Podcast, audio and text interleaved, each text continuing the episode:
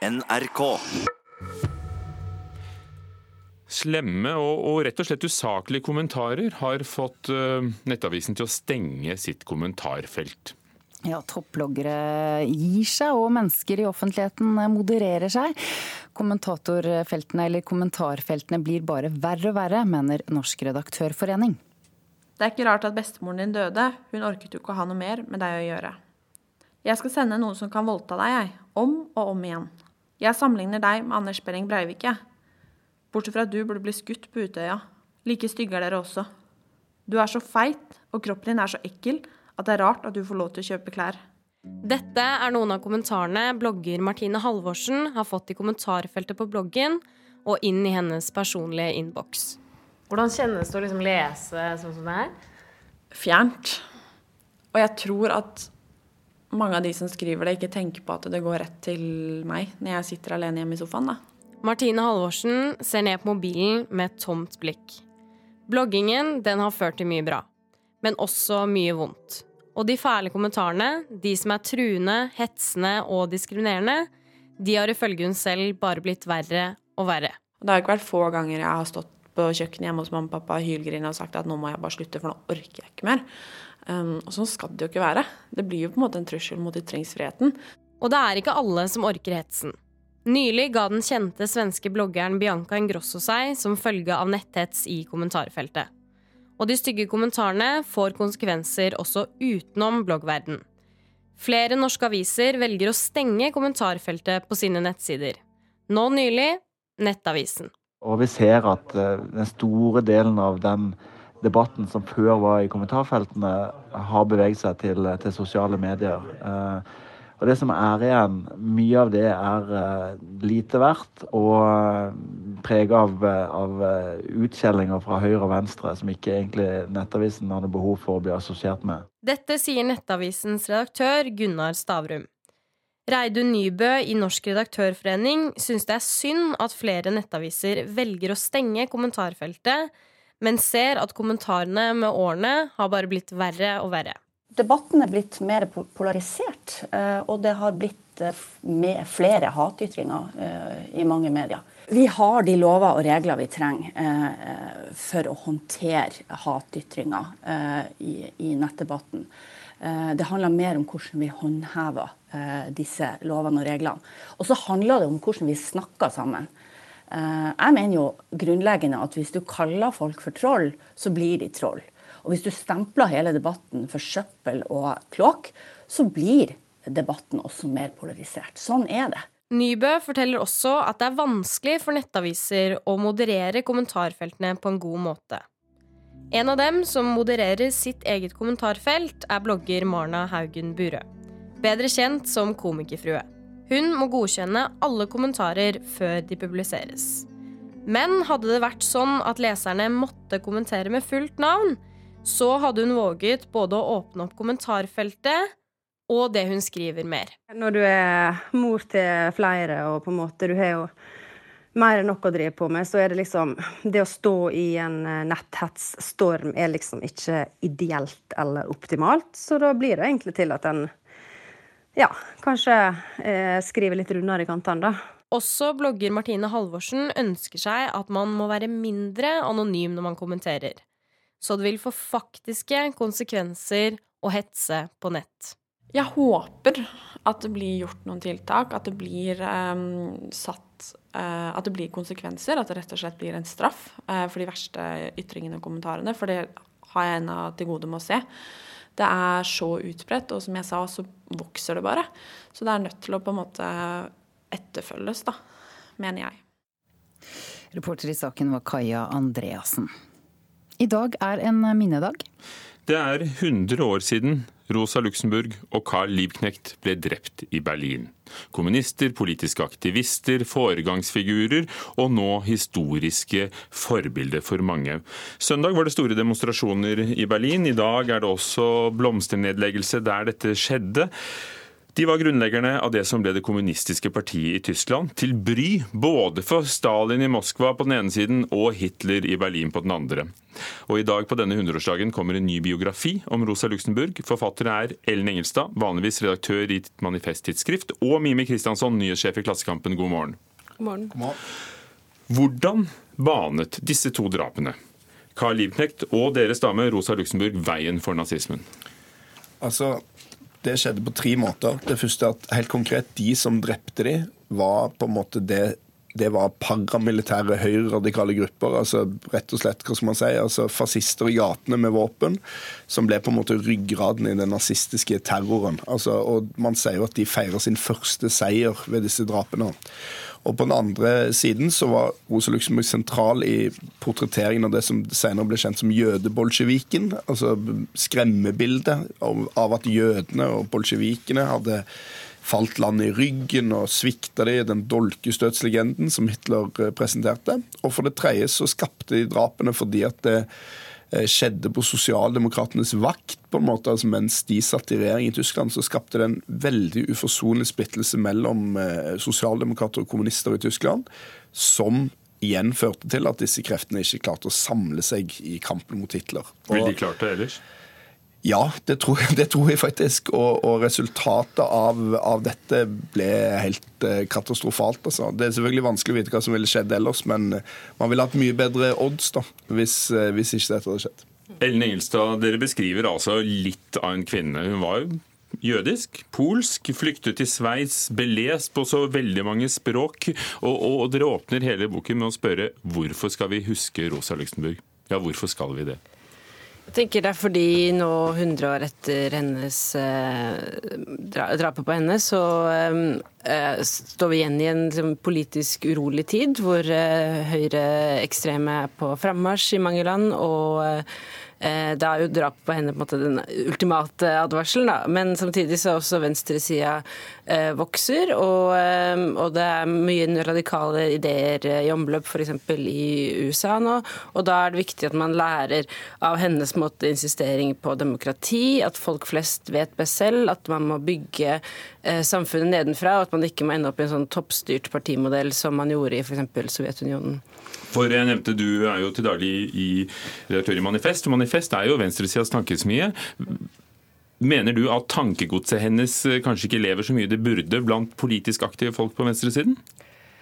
Ja, altså det, Hun blir lest, men hun kan absolutt bli lest enda mer, tenker jeg. Og, ehm, og, og at det er mye viktig man kan hente fra teksten. De virker veldig levende og aktuelle når man leser dem eh, i dag. Dette er jo ikke til kommunene at uh, dette var jo også en veldig spennende tid.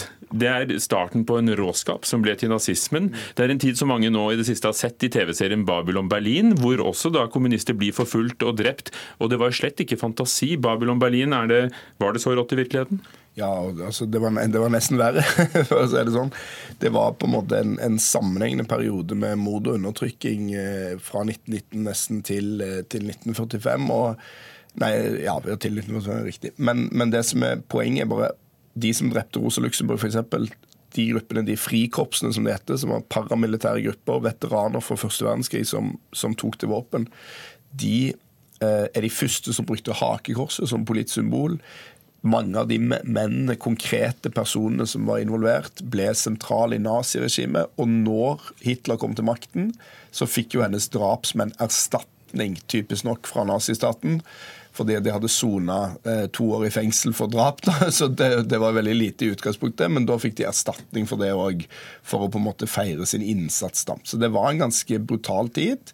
Og jeg syns som Ellen sier òg at det er viktig å huske på at eh, kanskje hennes ekstreme humanisme oppi alt dette. Da. At hun var veldig opptatt av, eh, av eh, Lenin kunne kanskje på en måte i perioder nesten glede seg over krigen fordi den ga mulighet for revolusjon. Sånn var aldri eh, Rosa Luxemburg. Tvert imot så var, var hun alltid dypt og, og, og inderlig fortvila over, over, alle menneskers lidelse.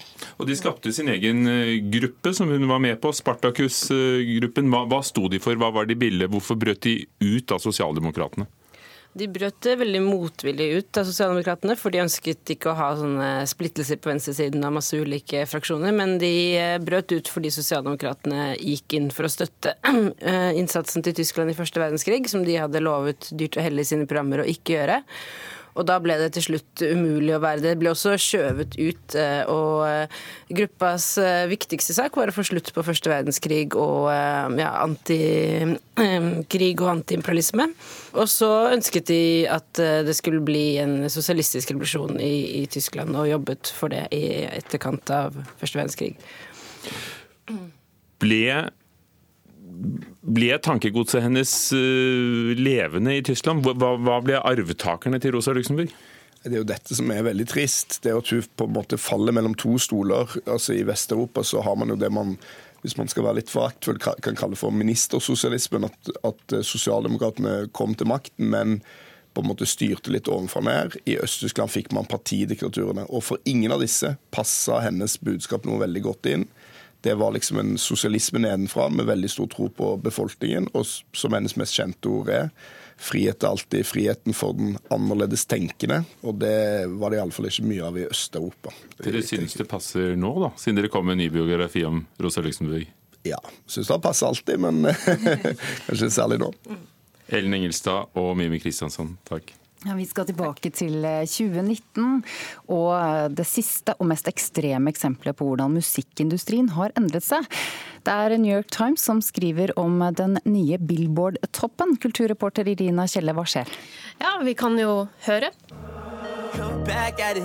She ain't never do this before, but she good at it. Said she never made love, but she good at it. She make a nigga feel good when I look at it. Dette er uh, rapperen A-Boogie eh, with a hoodie. Ja, en 23-åring fra Bronx i New York som nå altså har toppa den amerikanske Billboard-lista. Men han har bare solgt drøye 800 album. Hvordan er det mulig? Ja, Det skyldes jo da vår nye digitale musikkhverdag. Albumet Hoodie S1 har nemlig blitt strømma 83 millioner ganger. Langt færre kjøper jo album i dag. Tall fra i fjor viser at det totale CD-salget i USA det hadde gått ned med hele 47% fra samme tid året før, ifølge New York Times. Så til eh, mer hjemlige forhold. Eh, I Bergens Tidende kommer det nå en etterlysning? Ja, det er sju spesiallagde akvareller fra kunstneren Kjartan Slettemark som er forsvunnet fra Det psykologiske fakultet hos eh, Universitetet i Bergen. Det var en ansatt som en oktoberdag i fjor oppdaga at bildene var borte. Og etter flere undersøkelser uten spor, så velger nå universitetet å gå ut da i Bergens Tidende. Og det her var sju akvareller som ble malt under en performance i 1996, der Kjartan Slettemark iført kjole malte bildene med mopp, mens han sang 'Kjerringa med staven'. Det skriver Bergens Tidende altså. Og universitetet håper nå at bildene kommer til sin rett. Takk, kulturreporter Irina Kjelle. Nå er det detektivet her i Nyhetsmorgen. Anything you can tell me about Will? He's quiet. I don't think he got noticed much. True Detective er en av seriene som virkelig satt fart på utviklingen av hva en kriminalroman er på fjernsyn, og, og, nå selvfølgelig også på strømmetjenestene. Det er HBO som lager denne, og nå er de første episodene ute av sesong tre. Det begynte i 2014 med sesong én. Den som har sett allerede de fem første episodene, er vår anmelder Sigurd Vik, som mener at dette er en serie i storform. Nå skal vi til Ozark-området i USA, og både på 80-, 90- og 2015-tallet, for det her er en kompleks krimserie som uh, nå er inne i sin tredje sesong. Og det er en antologiserie, så som, uh, man trenger ikke å ha sett sesong én og sesong to for å hive seg på sesong tre, for det er en ny historie og nye skuespillere denne gangen. Men i stemning og stil da, så er det her å gå tilbake til suksessoppskrifta fra sesong én, som hadde Matthew McConaughey og Woody Harrelson Jensen i hovedrollene, og som ble en kritikerfavoritt. Eh, og det er mye av den samme stemninga og samme etterforskerdrivet da vi nå møter i den nye historien. Og når du sier etterforsker, så er jo da hovedrollen uh, Hays, spilt av Mareshala Ali. Han fikk Oscar for beste birolle i kjærlighetsdrama Moonlight, som gikk på kino for noen år siden. Han var med i House of Cards. Hva, hva slags type er han nå? Han er en uh, sånn skikkelig lastefull etterforsker som man liker å se på TV-skjermen, og en sånn dedikert type detektiv som tar med seg jobben hjem og lar den marinere der og, og bli til en altomslukende del av livet sitt, som da går på bekostning av både familieliv og uh, fritidsinteresser generelt. Og uh, Mahershala Ali er en glimrende skuespiller som virkelig drypper av personligheten til rollefiguren sin her. Han, er, han vrenger ut en, en plaga mann, og er både fokuset og attraksjonen i True Detective sesong tre. Og det her er jo en serie som tematisk er veldig opptatt av hva gjør sånne store eh, drapssaker, både med lokalsamfunn, med eh, ofrene og ikke minst etterforskerne som får sånne saker i fanget, altså disse sakene med uløste tråder.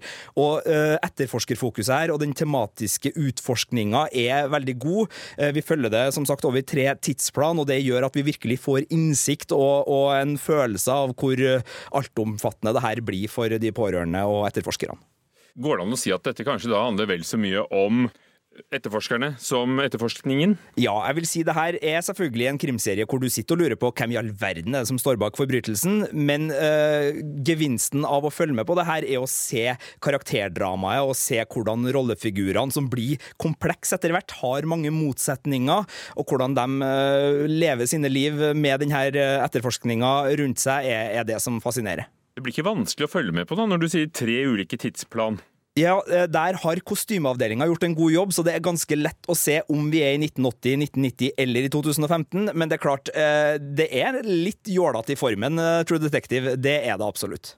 Lenge etter Detektimen så skjedde det noe med krim på TV plutselig for noen år siden. Eh, er dette en del av, det nye? Ja, eh, True Detective har jo fått i hvert fall en veldig sånn tydelig signatur på å være en kvalitetskrim, sammen med Sherlock, eh, BBC-varianten med Benedict Cumberbatch, og Fargo, og til dels også nordisk noir med, med Broen, så er True Detective en av de seriene som nevnes som den nye kvalitetskrimmen. Det er selvfølgelig et mer komplekst bilde enn som så, men det er virkelig en serie HBO satt satser på. Og nå i sin tredje sesong så har den tatt tilbake mye av den særegne stemninga som gjorde sesong én i 2014 til en krimgodbit for mange.